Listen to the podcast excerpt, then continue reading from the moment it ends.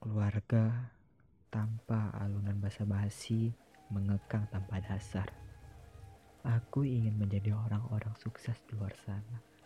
Apa daya yang telah ditentukan oleh keluarga. Takdirku hanya sebatas ditentukan, bukan menentukan.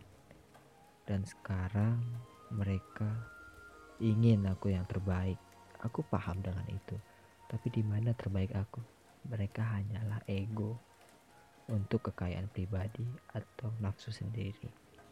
Lalu, mereka yang disebut keluarga namun kianat. Secerca yang tak ingin diakui namun terlantar pada sebuah perkataan. Mengakang mengambil kebebasan dan selalu iri pada sang burung terbang ke sana kemari. Apakah semenjadikan itu aku diikat oleh keluarga? Kenapa burung begitu bahagia bersama keluarganya? Aku paham luka yang seorang membisu.